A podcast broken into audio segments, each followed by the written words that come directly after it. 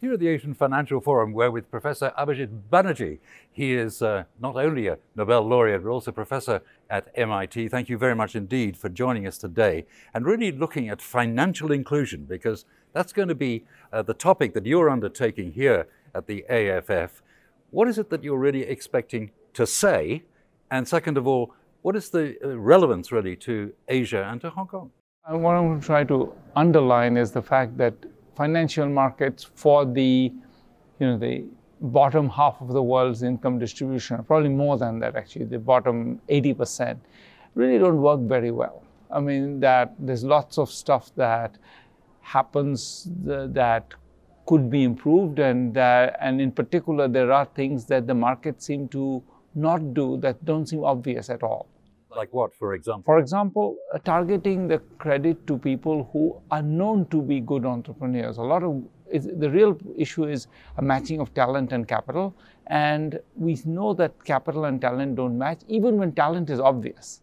So that's the case I'm going to try to build. That there, there are people who are known to be talented, but they still get the same $200 loan as somebody else who's totally inept. Now, these big ideas, like the Belt and Road Initiative produced by China, and also the uh, Guangdong, Hong Kong, Macau Greater Bay Area within China itself, are these great ideas for inclusion in financial terms? Belt and Road Initiative, in a sense, is bringing people into the market. And that's, a, that's an extremely innovative idea. Whether or not it's going to work, it's, it's a part of the world where almost nothing has been tried. It's one of the places where I think the China is really taking leadership. Central Asia is kind of being one of the neglected parts of the world.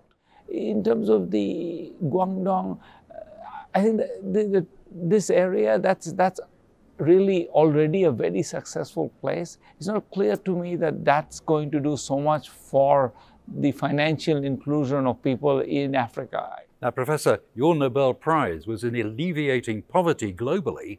To what extent would you say that Asia could take more of a stance where it comes to alleviating poverty? Well, Asia, it's an interesting question because Asia, in some ways, is both the kind of the poster child for alleviating poverty. I mean, if you look at the number of poor people that have have been come out of poverty in the last 20 years, they're in China, India, Pakistan, and Bangladesh. There's a, and Vietnam. It's all in Asia. That's really the big story of the last 20, 30 years.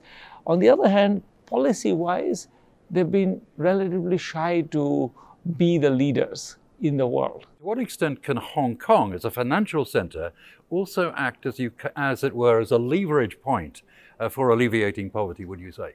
Seems to me that a case I'm going to make in to, today's Asian Financial Forum talk is that there is lots of missing opportunities, missed opportunities in the financial markets. And Hong Kong is close by especially to you know a lot of the poorer parts of Asia. So I do think that if Hong Kong were to put its talent partly uh, online for that, I do think that something would come out of it.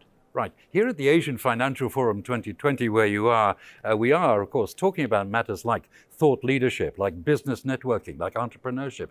Is this all along with the sort of ideas that you may have, particularly where it comes to alleviating poverty and for financial inclusion as well?